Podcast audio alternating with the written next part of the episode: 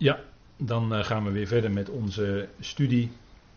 En we kijken naar uh, Jeremia, de profeet, de oude profeet. En uh, zijn naam is eigenlijk wel heel mooi, dat heb ik wel eens vaker gezegd. De Heer is verheven, of de Heer zal verheffen. Kun je, zo mag je het misschien ook wel vertalen. Hè? Jeremia, daar zit iets van verheven zit daarin. En de naam Ja, de, afkort, de naam van Yahweh zit daarin. Dus de Heer is verheven of zal verheven zijn. En dat is natuurlijk ook de boodschap die uh, ook een profeet als Jezaja uitbracht. Als de Heer gekomen is straks voor zijn volk om Israël te verlossen en vandaar de andere volkeren. Dan zal in die dag uh, niet de mens meer verheven zijn, maar dan zal alleen de Heer verheven zijn. En zo hoort het ook te zijn. Hè? De Heer op de troon, de Heer verheven en de mens die daaronder gesteld is. En dan denk ik aan het grote woord wat toch uh, Gods plan omvat. Dat is het woord onderschikking. Daar gaat het allemaal naartoe. Voor de pauze hadden we het even over het feit dat uiteindelijk God alles in alles zal zijn. Maar dat betekent dat dan allen ook aan hem ondergeschikt zijn. Daar loopt 1 Korinthe 15, vers 27 en 28 op uit. In die versen die ik net noemde, die twee, daar wordt het woord onderschikken wel zes keer gebruikt. En als je ook bij de apostel Paulus kijkt, dan komt dat punt van onderschikking steeds weer terug. Hè, in allerlei verbanden, om het zo maar te zeggen. Hè, ook maatschappelijk, hè, ten opzichte van eh, de overheid. In Romeinen 13 klinkt ook dat wij ons zouden onderschikken aan de overheid.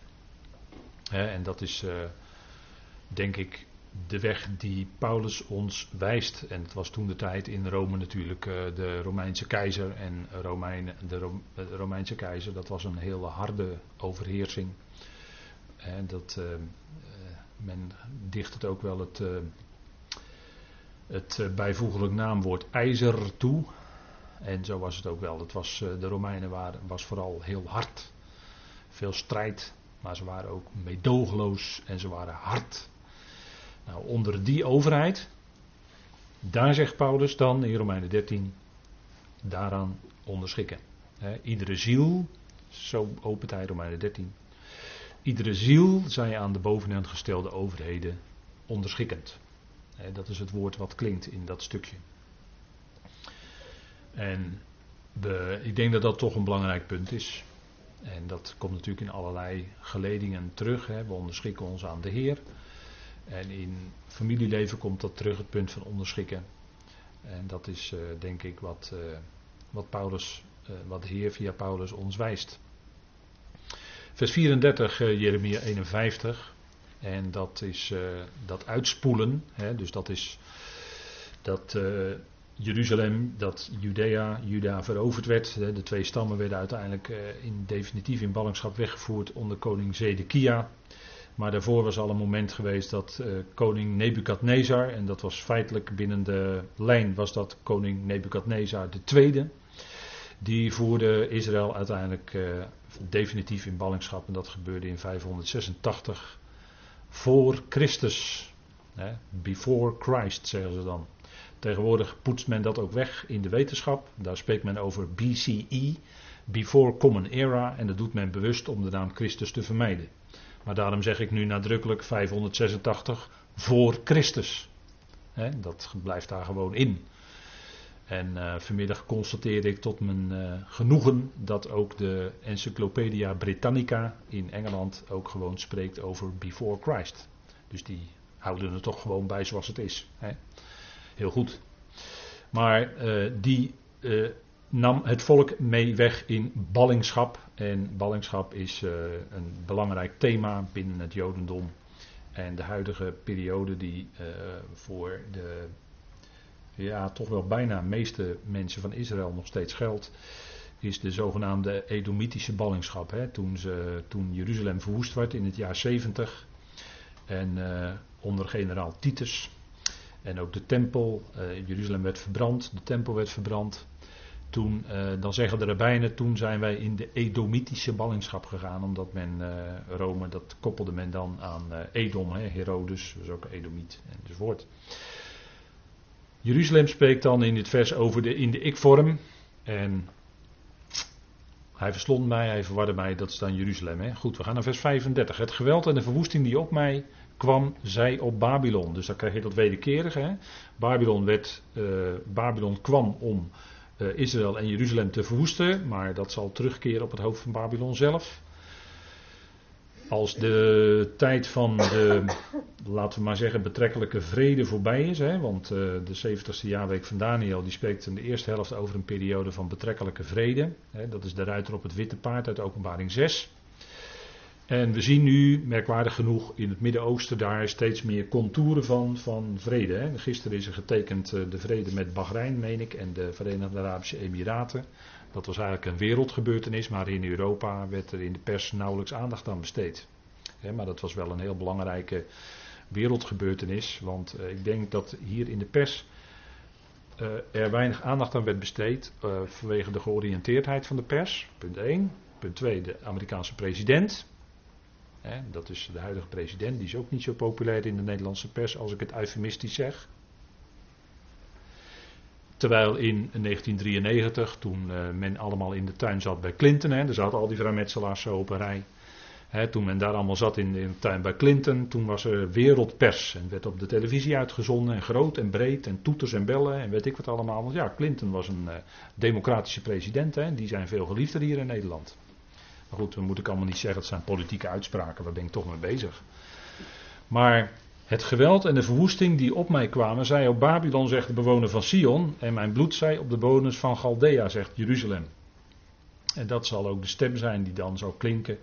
dit is eigenlijk de stem die klinkt vanuit Jeruzalem over alle eeuwen heen. En zal straks ook Babylon treffen. Deze profetie en de profetieën die uitgesproken zijn in openbaring. Die overstijgen natuurlijk de tijd. Hè? Want als God een woord spreekt, dan is het ook gelijkertijd een daad. Alleen het kan een hele tijd duren voordat het daadwerkelijk ook zichtbaar wordt. Maar als dat woord gesproken is, dan heeft dat kracht.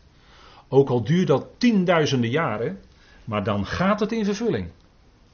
Want God heeft het gesproken en dan gaat het gebeuren. Daarom zei ik voor de pauzes misschien wel, sommige mensen vinden dat misschien niet zo fijn, maar God is de redder van alle mensen. Dat is gewoon een mededeling. Die wordt ons gewoon een mededeling gedaan. Zo is het. Zo is het. En daar zijn we blij mee, maar daar leggen we ons ogenblikkelijk bij neer. Heer, wat geweldig. U bent de redder van alle mensen. Wat geweldig is dat. Ja, dat is zeker geweldig. dat is, maar dat is, kijk, dat is God die spreekt door zijn woord. En niet daarbuitenom. He, dat is, uh, en dat woord, dat heeft kracht. Dat woord heeft ook kracht in ons leven, in ons persoonlijk leven. Daar spreekt God zijn woord in. Dat is in ons hart gekomen, het evangelie van de heerlijkheid van Christus. Dat verlicht ons hart. En dat heeft, geeft ons ook van binnen kracht. Hoewel onze uiterlijke mens, dat, lichaam, het oude lichaam, dat is in verval. Dat, dat, met gebreken en, en sommige mensen die lijden jarenlang met pijn. En, en als je dan iemand spreekt, dan, dan is dat, vind, dat, vind ik dat zo verdrietig en zo pijnlijk om te horen. Jarenlang, jarenlang pijn hebben. Dat is niet niks.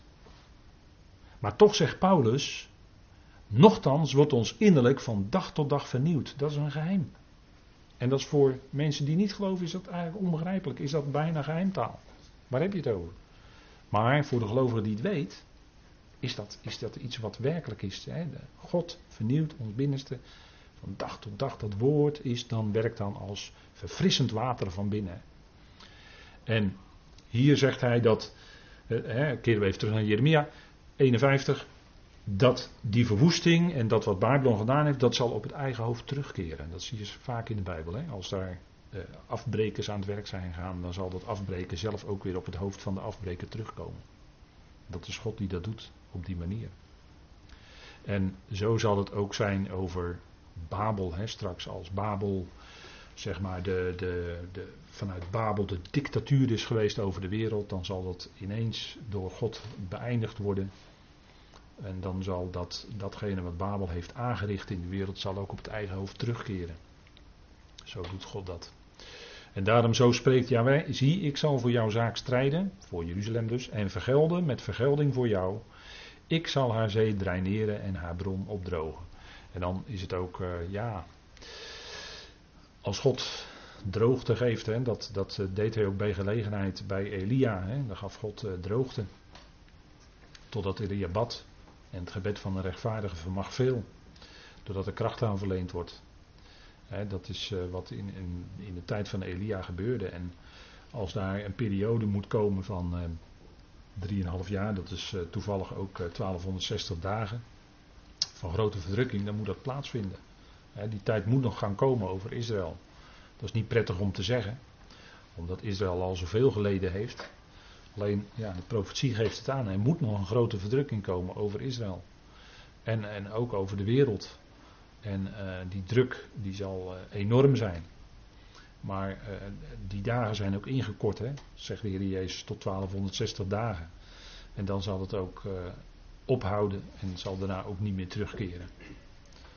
Alleen aan het eind van de duizend jaren, als er dan duizend jaar shalom is geweest, dan zal Gog en Magog nog één keer optrekken naar de heilige stad, hè, staat er dan in openbaring 20. En dan zullen ze definitief uh, verslagen worden. Hè. Ze zullen nog één keer optrekken. De Satan zal nog voor korte tijd losgelaten worden uit de abyssos. Met deksel erop verzegeld, duizend jaar lang. Maar dat verzegel gaat een keer af. Dat deksel gaat af, wordt hij voor korte tijd, waarschijnlijk 75 dagen losgelaten. En dan is hij in staat om in korte tijd die hele wereld weer te misleiden en te laten optrekken onder leiding van Gog en Magog naar Jeruzalem. En dan zal die, zullen die legers ook definitief verslagen worden. En zal de vuur komen uit de hemel wat hen zal verteren. Zo zal het uh, zijn na de duizend jaren. En dan zal er ook een groter vuurgericht komen. Maar droogte, dat zal ook komen over de volkeren die niet optrekken naar Jeruzalem in de duizend jaar. dus dat is wel een zaak van je moet komen en de feesten vieren, anders dan. Uh, dus ja. Babylon zal worden als de grafheuvel, zegt vers uh, 37. Een woonplaats van wilde jakhalzen. Tot verbazing en aanfluiting zonder bewoner. En misschien niet helemaal letterlijk bedoeld, maar ze zijn er wel. Deze foto is genomen bij Jeruzalem, wilde jakhalzen. En uh, dat zijn wel beesten die uh, wel sociaal zijn hoor. In hun eigen groepsverband zijn ze heel sociaal. Dat zou je misschien niet denken van jakhalzen, maar dat is wel zo. En zijn ook niet uitsluitend aaseters, maar ze zorgen ook zelf dat ze aan de kost komen, om het zo maar te zeggen. Maar de jakhalzen die zullen daar zijn. En die worden ook genoemd in openbaring 18. Dat, die, dat het gericht gaat komen. En dat, daar definitief, dat het definitief zal zijn. Hè? Het zal worden als, Babylon zal worden als een grafheuvel, een woonplaats van wilde jakhalzen. En dat staat ook in vers... Uh, 21 van openbaring 18. Zo zal Babylon de grote stad met geweld neergeworpen worden en het zal nooit meer gevonden worden. Dus dat is de definitieve ondergang van Babel. En dat wordt met, u zegt ja dat zijn wel hele lange stukken. Jeremia 50 en 51 gaat het alsmaar over Babel. Maar dat is ook een hele grote zaak. Daar zal de, de wereldheerschappij in de eindtijd natuurlijk uitgeoefend worden. En als die stad dan uh, verwoest gaat worden en gericht gaat worden, dat is, dat is iets heel groots. En vandaar dat het zo uitgebreid toch in de profetieën beschreven wordt. Want als je in de aanlopende hoofdstukken in Jeremia leest, dan lees je bijvoorbeeld over de gericht over de Filistijnen, het gericht over Moab, het gericht over Egypte. Dan wordt daar niet zoveel, uh, niet zoveel tekst aan besteed. Hè? Maar dit, dit, hier wordt veel over gezegd. En dat betekent, uh, hè, als, als een. Kijk, om, om het even in een beeld te, zeggen. Als een mens uh, over iets emotioneel is, dan heeft hij daar heel veel woorden voor. Dan gaat hij daar heel veel over vertellen. als iemand bijvoorbeeld in de Tour de France een etappe heeft gewonnen en die uh, renner is een beetje uh, weer, weer bijgekomen en die gaat dan over de etappe vertellen, ja, die, die, die kan daar bij wijze van spreken uren over vertellen. Dat is prachtig, emotioneel, geweldig. Ik heb die etappe gewonnen. Veel woorden. En, en aan de andere kant, als iets uh, negatief is, of als hier een gericht moet plaatsvinden, dan gebruikt de Heer daar heel veel woorden over omdat dat een, een heel groot iets is, een heel ernstig gericht. Het is ook het definitieve einde van deze boze Aion. En daarna zal het kwaad niet meer zo groot kunnen worden zoals het nu is. Het is nu er is nu overal kwaad. Er worden overal onwaarheden gedebiteerd, terwijl je het vaak niet doorhebt dat het gebeurt, maar het gebeurt. Dat is ook een, een vorm van kwaad natuurlijk. Maar de Heer zal het allemaal afbreken. En die heeft daar zo zijn instrumenten voor. En vandaar dat ook, omdat het zo groot is, wordt er ook zoveel over gezegd hè, in de schrift.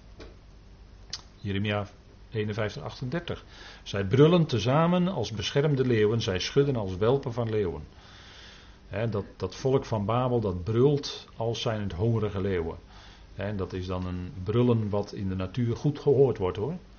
En uh, daar zijn ook heel veel dieren dan uh, bevreesd voor.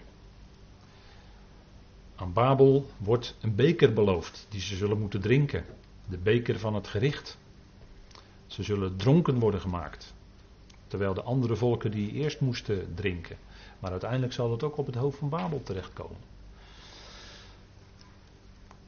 Zulke soort beelden gebruikt God allemaal. Hè. In hun warmte, hè, want als een leeuw een prooi heeft en ze gaan eten, dan zijn ze door de opwinding helemaal warm. Dat, dat is wat hier gezegd wordt. In hun warmte zal ik hun feest uitzetten en ik zal ze dronken maken, opdat ze vreugdevol mogen zijn. En ze zullen een eonische slaap slapen en ze zullen niet ontwaken, verklaart Yahweh. dat ze, dus hij zal ze dronken maken. Dat wordt ook in, in uh, openbaring 17 en 18 gezegd. dat de, daar is een drinkbeker. En dan uh, moet Babel daar zelf ook uit drinken. Dat staat in openbaring 18 vers 6. Vergeld haar zoals zij ook u vergolden heeft. En vergeld haar dubbel naar haar werken. Schenk in de drinkbeker waarin zij voor anderen ingeschonken heeft, voor haar het dubbele in. En daar zullen ze van moeten drinken. Dat is de drinkbeker van het gericht. U ziet, dat beeld van die drinkbeker drinken, dat wordt dus in Jeremia al gebruikt. En daar sluit de openbaring op aan. Ik heb wel vaker gezegd dat uh, openbaring aansluit bij eerdere profetieën die al gedaan zijn in Tenach. En dat het uitlopers zijn van wat al eigenlijk al bekend was. En het wordt dan definitief ingevuld in openbaring. En dat zien we hier dus ook. He, dat beeld van die uh, beschonkene die, door, uh, die onder het uh, gericht is gekomen van God. Vers 40 en 41. Ik zal ze neerbrengen als slachtschapen, als rammen en geitenbokken. Hoe is Sheshak ingenomen? En hoe is de lofprijs van heel de aarde in bezit genomen? Hoe is Babylon geworden? Tot verbazing te midden van de natie. dus de Heer zal ze neerbrengen. Als schapen ter slachting. En dat, dat beeld wordt natuurlijk ook voor Israël uh, gebruikt in de loop van de tijd. Het lijden van het volk. En, en uh, heel recent hebben we dat nog gezien. Want ja, wat is 70, 80 jaar? Dat is recent hoor ze werden, ze werden dan moet je toch denken, als je, als je die dingen leest, die in die vreselijke tijd zijn gebeurd, verschrikkelijke dingen, die eigenlijk onbeschrijfelijk zijn zo erg, die met Joodse mensen gebeurd zijn. uh, zij, zij, werden eigenlijk gerekend als slachtschapen. Ze werden afgevoerd. En, en uh, ja, hoe, hoe dat in Nederland gegaan is en hoe de houding van Nederland was, nou, ik, ik hou me nu in, ik ga daar maar niet te veel over vertellen, maar u kunt het allemaal terugvinden. Maar het is heel akelig geweest hoe de houding was van Nederland terwijl de Joden, Joodse mensen, gedeporteerd werden. Dat is eigenlijk afschuwelijk geweest hoe Nederland zich daarin gedragen heeft. Wat dat betreft is er nog wel een stukje geschiedschrijving te doen hoor. Maar dat komt allemaal nu meer op tafel. Maar goed. Israël werd gerekend ook als slachtschapen. Maar hier wordt het gezegd over Babel. Ik zal ze neerbrengen als slachtschapen en rammen en geitenbokken. Sheshak, dat is een, ja eigenlijk een, uh, ik heb het erbij dat fotootje gezet. Sheshak is Babel, maar dan als een atbash. Wat is een atbash? Dat is eigenlijk een omkering in het alfabet. Dus hier hebben we, dan wordt de tegengestelde letter genomen uit het alfabet en die wordt geplaatst voor de letter die het moet zijn. Dus de, in dit geval wordt de beet dan een shin want de beet is de tweede letter en de zin, je shin, is de ene laatste letter van het alfabet. En heb je twee keer de shin, dus het is eigenlijk twee keer de b. En dan heb je de kaf en dat is dan de lamet. Dus Sheshak wordt dan Babel. Dat, is een, dat noemt men een abbash, dus een soort verborgen aanduiding voor Babel.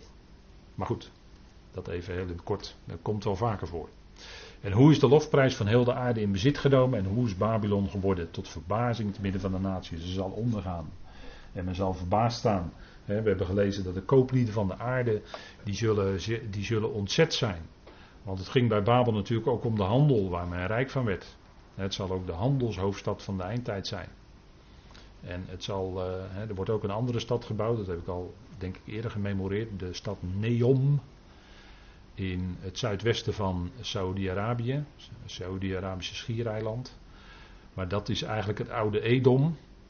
En daar wordt de stad Neom gebouwd. Dat moet ook zo'n grote wereldstad worden. Maar dat is niet Babylon. Babylon is de stad Babel die nu in Irak ligt. Die wordt herbouwd. Die wordt nu verder uitgebouwd. Door de Chinezen. En u moet de rol van China ook in, in de huidige wereld gebeuren niet onderschatten. En die wordt herbouwd. Maar dat zal verwoest worden. En het zal schokkend zijn in de hele wereld. Tot verbazing te midden van de natie. De zee is opgekomen over Babylon. Ze is bedekt in haar lawaaiige golven. Dat is een metafoor, een beeldspraak voor de, de volkeren die haar als het ware overspoelden. Haar steden zijn woestenij geworden, droog en land en step, een land waarin totaal niemand zal wonen. Nog zal een zoon van Adam daar doorgaan. Dat is wat, we, wat ik net gelezen heb. Babylon, de grote stad, wordt met geweld neergeworpen, zegt de openbaring, het zal nooit meer gevonden worden. Ontvolkt, woest en leeg. Gevolg van het gericht. En de, de volkeren zullen dan, zullen het, of de legers van de volkeren zullen het overstromen. Ik weet nog dat we in de, in de tijd was daar ook, eh, toen Kuwait bezet werd door Irak, kwam daar een internationale coalitie op gang van, ik meen, 600.000 soldaten. En die overspoelde toen Irak, werd onder de voet gelopen. Zo, zoiets moet u dan aan denken. En, en in de eindtijd is het zelfs een leger wat van, van 200 miljoen wat op de been gebracht wordt, hè, zegt de openbaring. Als je dat vermenigvuldigt, dan kom je op 200 miljoen zelfs. Dat is, dat is wat. Dat, zijn, dat, dat, is, dat is als een, als een, als een golf komt er dan, uh, komt er dan aangespoeld, hè, die legers. Zo zal het uh, dan uh, gaan, hè, overspoelen. Nou, dat beeld wordt vaker gebruikt. U ziet daar een aantal tekstverwijzingen bij. De volkeren die overspoelen. misschien kunnen we heel even Jezaja 17 erbij pakken. Jezaja 17, vers 12 en 13.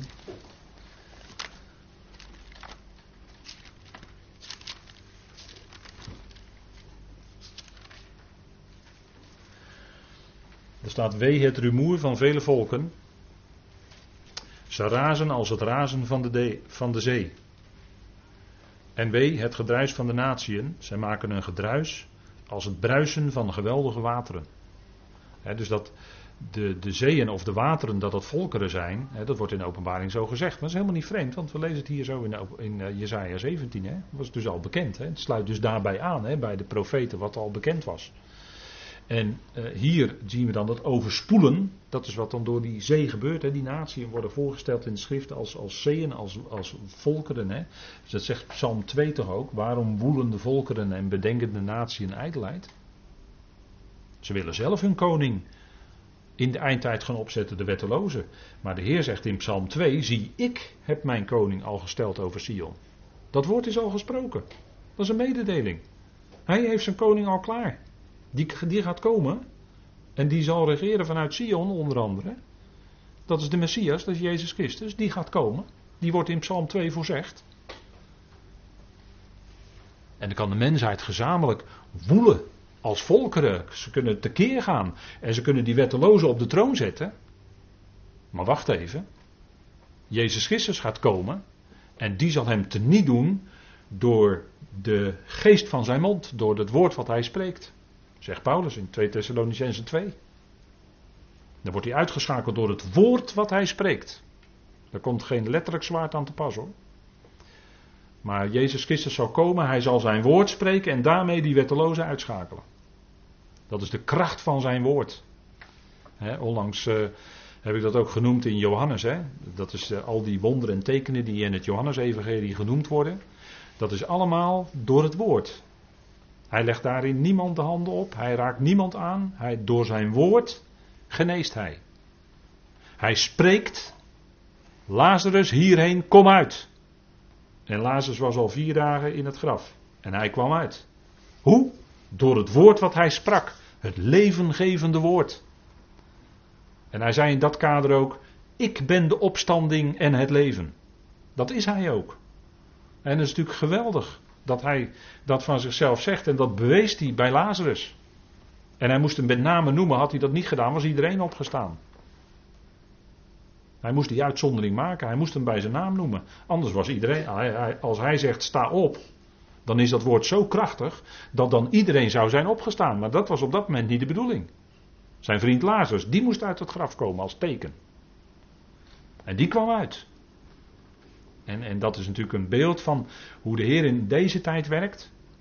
Dat hij mensen die uh, van binnen dat, dat leven van God niet hebben, dat hij die tot leven wekt. Hoe? Door zijn woord. Dat levengevende woord van God. Ja, dat is zoiets geweldigs. Hè? Dat is iets wat je, wat je dagelijks kracht geeft. Wat je troost biedt. Dat uitzicht. Die verwachting. En dan wordt je hoofd als het ware weer omhoog getild. Hè?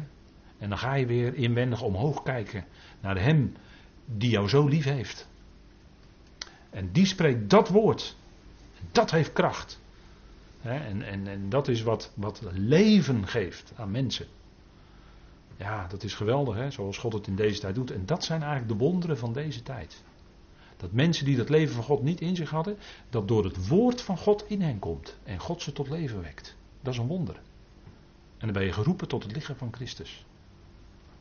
Nog niet beseffend even dat je al van voor de nederwerping der wereld was uitgekozen in Christus. Maar dat, dat besef komt later als je het hoort. Dan, weet je, dan ga je dat langzamerhand ook beseffen en weten. maar dat is, dat is nou de kracht van het woord van God.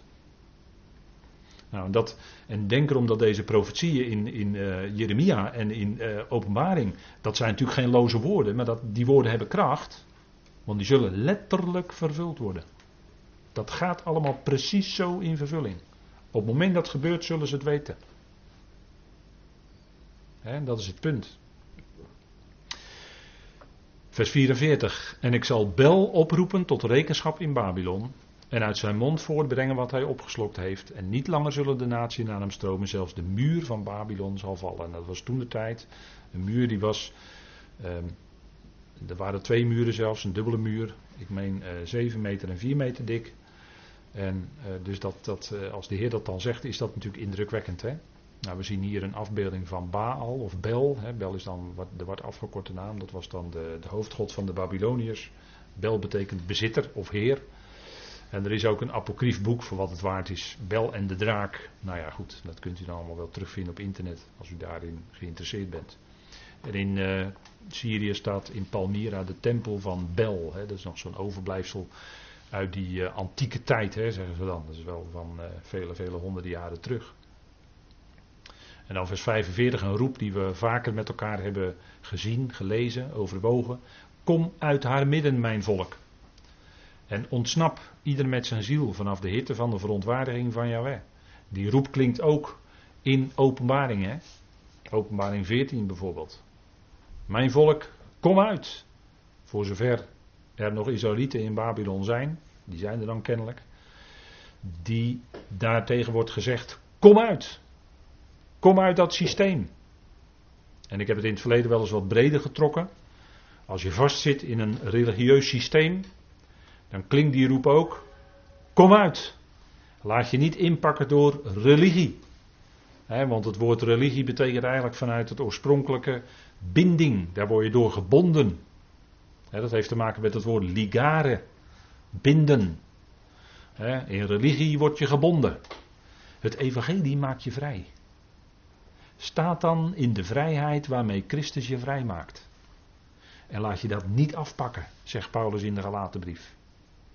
Want dan kom je weer vast te zitten in religie.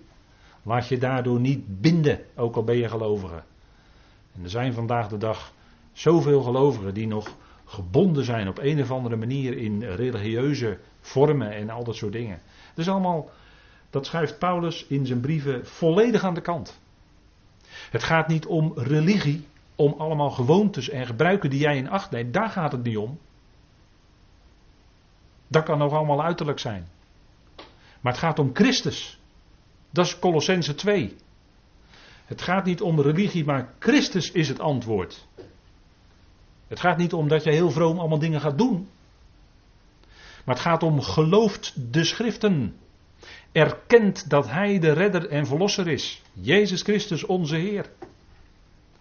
Hij is degene die centraal staat in de schrift. Christus maakt werkelijk vrij. Religie bevrijdt niet, integendeel, het bindt je. Maar staat in die vrijheid, in die genade waarmee Christus jou vrij We leven in genade. En genade staat haaks op religie. dat kunnen we niet vaak genoeg zeggen. En als, als dan daar, als je beseft van, ja, maar ik zit ook in, in bepaalde dingen gebonden, dan klinkt die roep hier, kom uit haar midden. Want Christus maakt je vrij van de religie.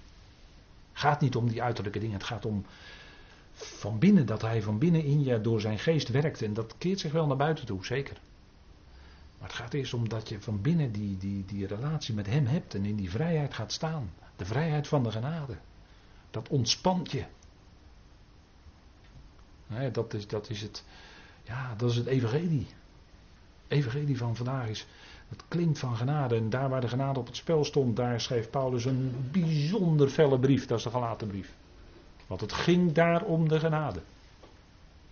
En dat klinkt hier ook, hè. Babylon staat eigenlijk voor gebondenheid in religieuze zaken. Hè. Zo kun je het ook wat verder toepassen, geestelijk gezien. Maar Christus maakt je daarvan vrij.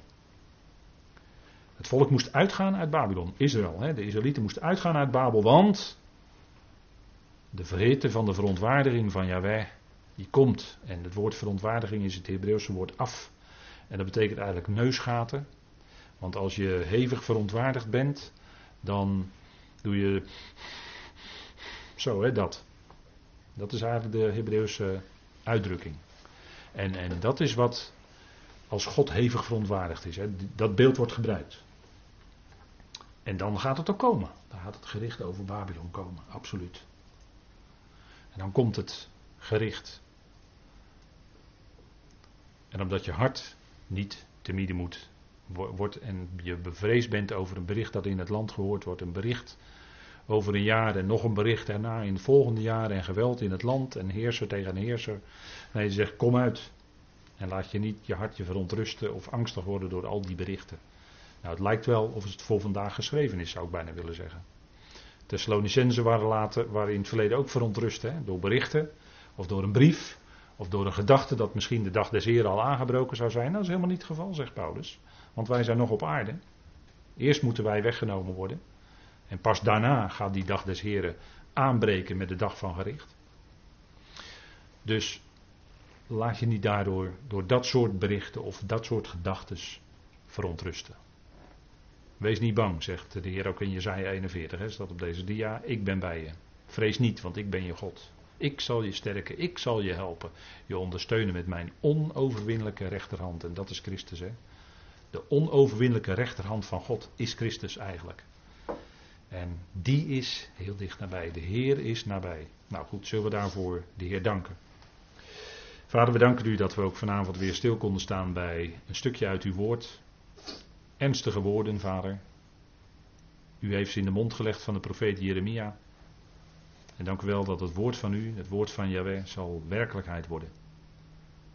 Het kan lang of kort duren, vader, maar we weten dat het zal gaan gebeuren. Het zal gaan plaatsvinden. Het zal zichtbaar worden. We danken u voor de betrouwbaarheid van de schrift. Dat we daarop mogen staan en daarin mogen rusten. En ook vooral mogen rusten in het volbrachte werk van onze Heer Jezus Christus. Die alles voor ons heeft overgehad. En nu opgewekt aan uw rechterhand is. Vader, dank u wel. Dank u wel dat we deze dingen in dat licht mogen overwegen.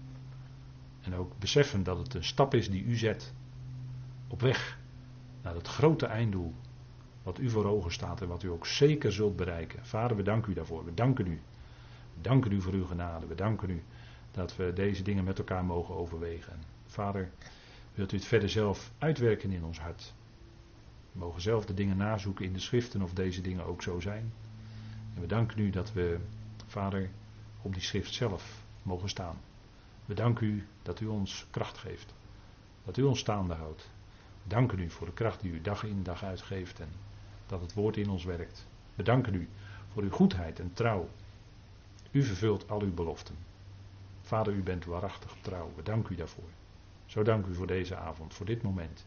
In de naam van uw geliefde Zoon, onze Heer, Christus Jezus. Amen.